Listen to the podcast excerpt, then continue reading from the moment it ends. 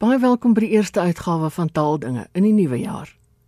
Ek het gedink om so in die eerste dae van die maand en van die jaar te fokus op maane en maande. My gas is Jana Luther wat onder meer verbonde is aan die WAT. Jana, uit die Bybel kom die uitdrukking die jare wat die sprinkaan opgevreet het.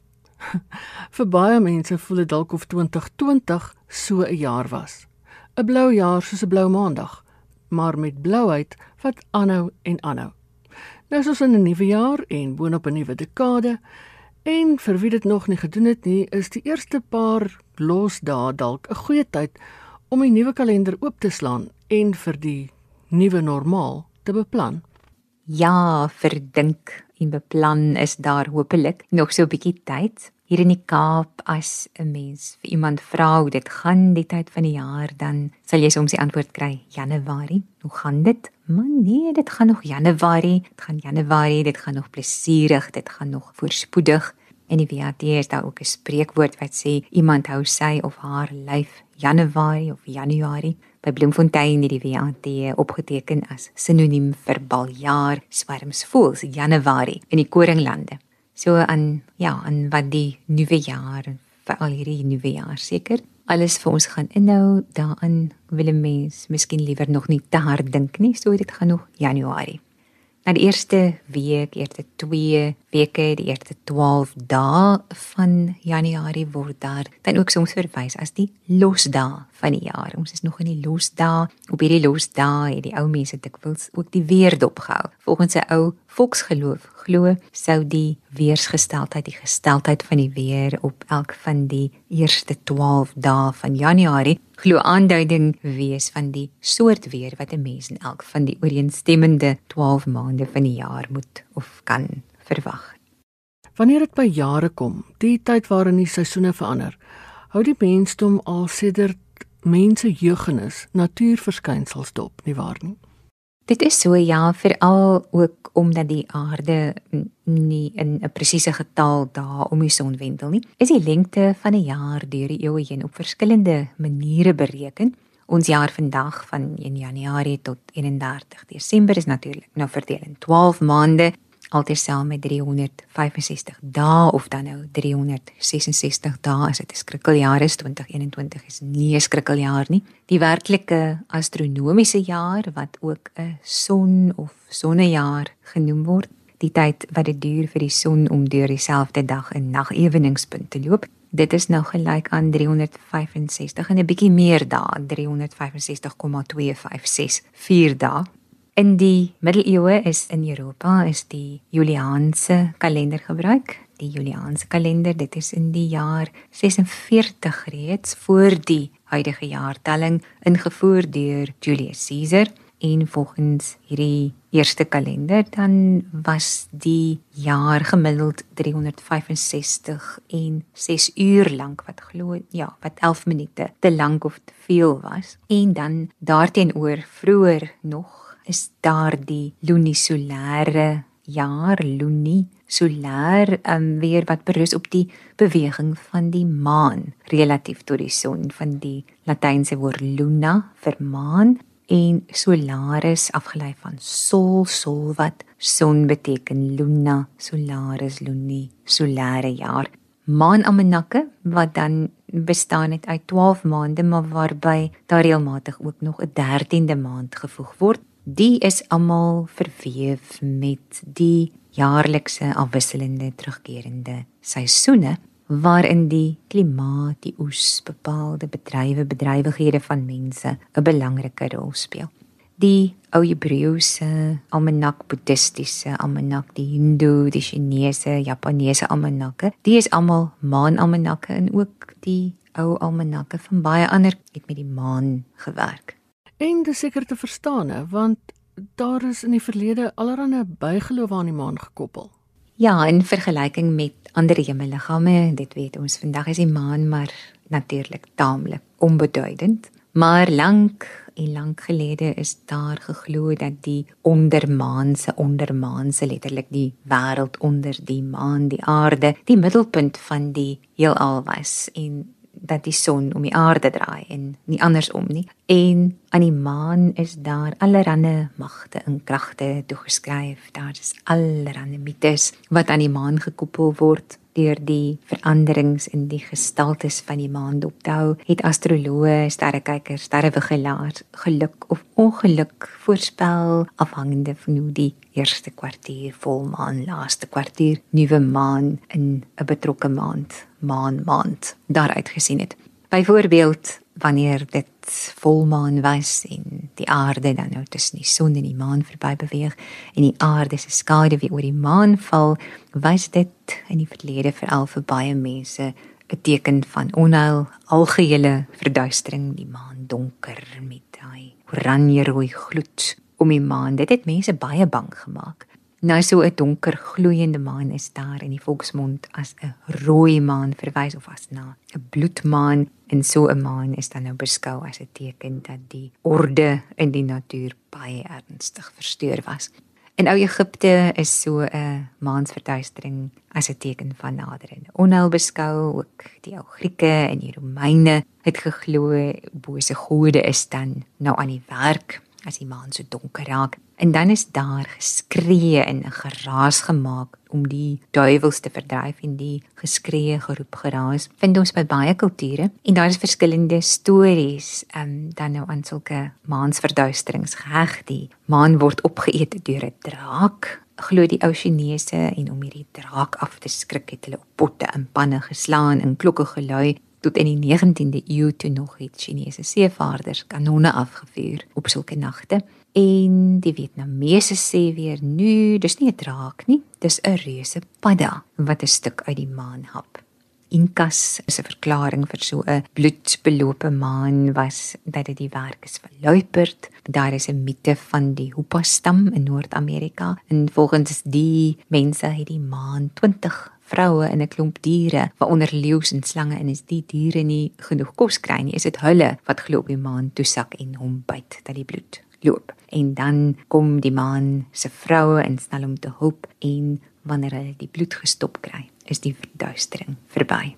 Daar's ook 'n Viking legende, die lui dat Mani en Sol, die maan en die son, agtervolg word deur twee wolwe Hattie en Skul en as die wolwe dan nou vir Mani die maan beet kry, dan verduister die maan en dan maak ook die Vikings 'n lawaai om die wolwe weg te jaag. Tydens 'n maan-eklips glo monnike in Tibet dan vermenigvuldig die dade van 'n mens, beide jou goeie dade en slegte dade 10000 keer. Vir Christene ook is so 'n bloedmaan 'n teken van woede en oordeel en dis eintlik net die islamgelowiges wat aan maanverduisterings en bloedmaane geen simboliese betekenis heg nie, maar vir so 'n natuurverskynsel het hulle alleen maar 'n spesiale gebed. En dan word nog steeds by geloof aan die maan gekoppel. Ja, baie middeleeuse gebruike en bygelowe is van geslag tot geslag oorgedra. Dit weet ons so ja, in baie kulture glo mense vandag nog dat die maan in sy verskillende fases gestaltes op mense en ook op diere en op plante 'n aantoonbare invloed het in die ou dae is enige irrasionele gedrag, hallusinasies, slaapwandelary baie maklik as maansiektes afgemaak aan fases van die maangewyd. As iemand so 'n bietjie eksentriek was, so 'n bietjie eienaardig voorgekom het dalk, is daar baie maklik gesê hy of sy is met die maan gepla. Die gedrag van sommige diere word ook deur die maan beïnvloed, so word daar steeds geglo ook dat die maan 'n invloed het op die weer en op wat wanneer geplant word selfs. Dan word ook in allerlei uitdrukkings en spreekwoorde na die maan verwys. Ja, die maan is natuurlik die koningin van die nag, word daar gesê. Die maan is ook die arme man se kers. Die lewe is nie net maanskyn en rose en die plesier en geluk is dikwels van korte duur. Wie aan jou die maan en die sterre beloof, hy of sy maak beloftes wat teen teen een nie nagekom gaan word nie. Wie te vergeefs oor iets kla, iets te vergeefs probeer doen, blaf of kef vir die maan. As jy soveel of so min van iets weet soos die man en die maan, dan begryp jy dan niks van nie. As jy iemand so min ken as die man en die maan, dan ken jy die persoon glad nie. En doen jy vergeefse moeite, dan is dit so goed jy staan in die maanskyn om warm te word. Iemand wat verwens word, word ek wils maan toe gestuur. Ag man, gaan loop, vlieg na die maan. as daar van 'n man gesê word dat hy in die maanskyn geloop het, is hy kaalkop as iemand begin bles word, sê die WAT, word skertsend gesê. Die maan kom op as oorlosie saam met die maan loop, hou dit nie goed tyd nie. Iemand wat deur die maan gepiets of getik of gepla is, tree eienaardig op as iets na die maan is. Is dit neusie verby? Is dit verlore? Ja, nou om dan nou terug te keer tot die jaar. Die eerste almanakke wat bekend is, was dus maanalmanakke. Ja, interessant is dat die woord maan kom van 'n oerwoord, oerwortel wat meet beteken het. En van dieselfde oerwoord kom ook die woord maand. 'n Maand was oorspronklik dus 'n maan maand Die maan is gebruik om die jaar in maande uit te meet. In so 'n maan maand wat dan ook 'n synodiese maand genoem word, die is gelyk aan die tydperk of periode van een volmaan tot 'n volgende volmaan, solank as wat dit duur vir die maan om een omwenteling om die aarde te voltooi. 3000 jaar gelede word daar gesê voor die huidige jaartelling het die Babiloniërs al hulle maanalmanak gebruik. Die Hindus het verskillende maanalmanakke en sinagoges word vandag nog die Joodse maanalmanak gebruik. Die jaartelling van die Islam begin op 16 Julie 622, die dag van die Hijra, die heilige profeet Mohammed se vlug uit Mekka na Medina en die moslim kalender die bestaan uit 12 maande waarvan die aanvang die begin deur die verskyning van die nuwe maan bepaal word. Daarvan is ons baie bewus hier in die Kaap natuurlik nadat daar gevas is 29 of 30 dae vir die duur van die 9de maand Ramadan, dan vier moslems hier elke jaar op die eerste dag van die maan maand Shawwal die feesdag Idul Fitr, die dag van Labarang, soos die fees hier in die Kaap bekend is, en op die vooraand van Labarang kom daar dan elke jaar honderde moslimmans by seepunt bymekaar waar hulle wag om die nuwe maan te sien.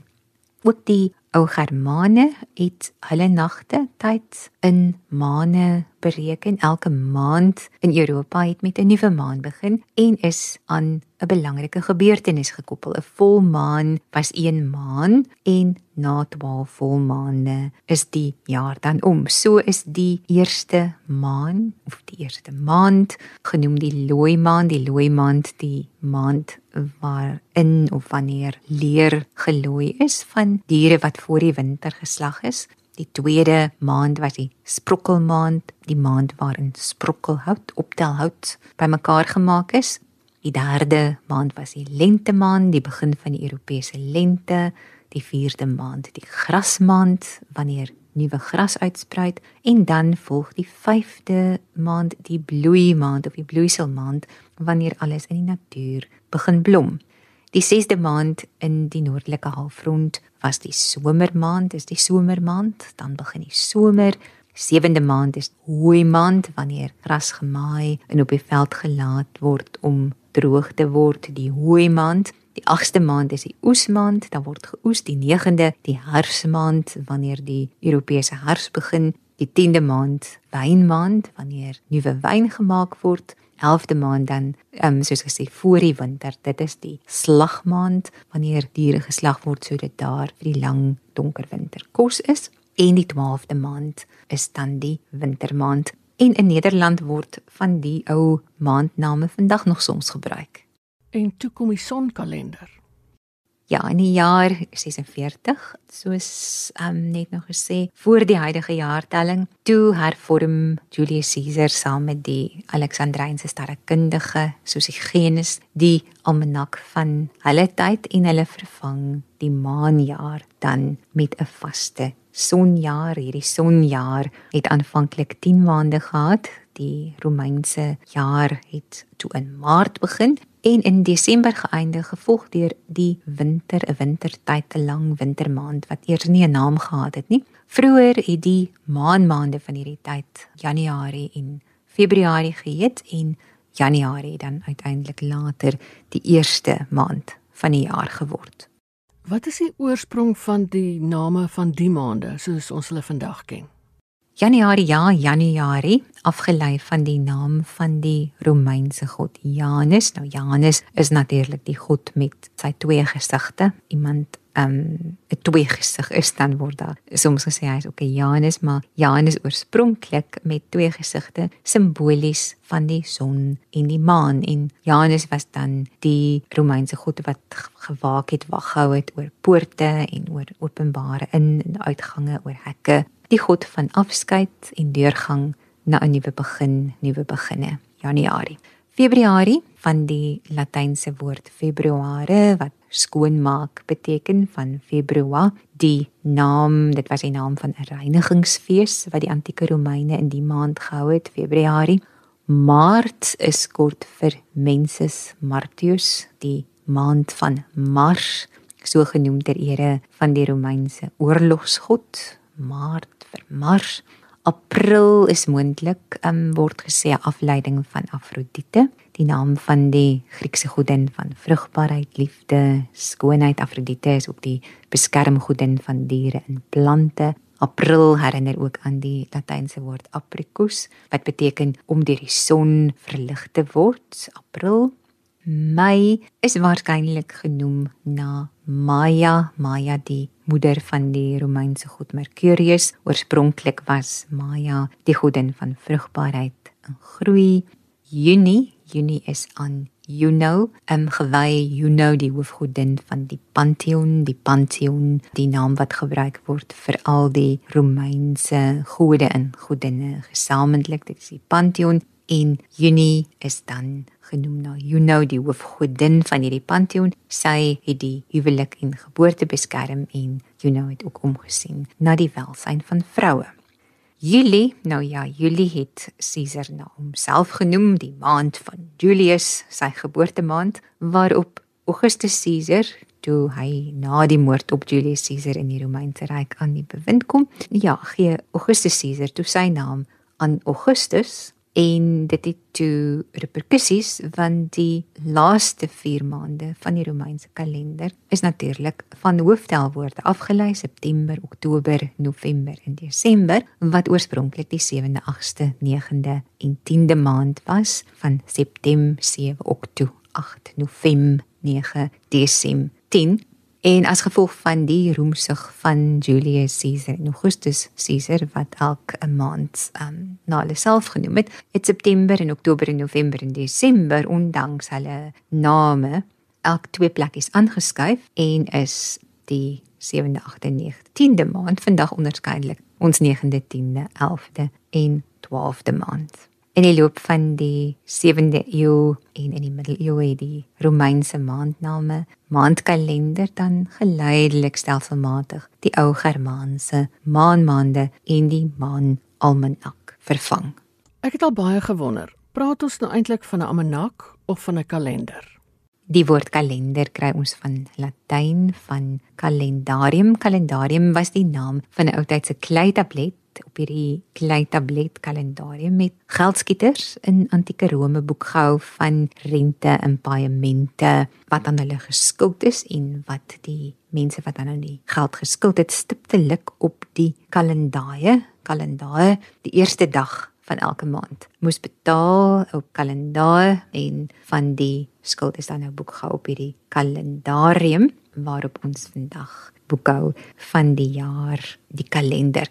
Ek verkies miskien om ja, om vir die maan maande die woord almanak te gebruik en dan vir die Romeinse sonjaar kalender, ehm um, die woord kalender, maar die twee almanak en kalender is natuurlik wisselforme. Almanak is kalender, kalender is almanak en ja, om dit ewe die een of die ander.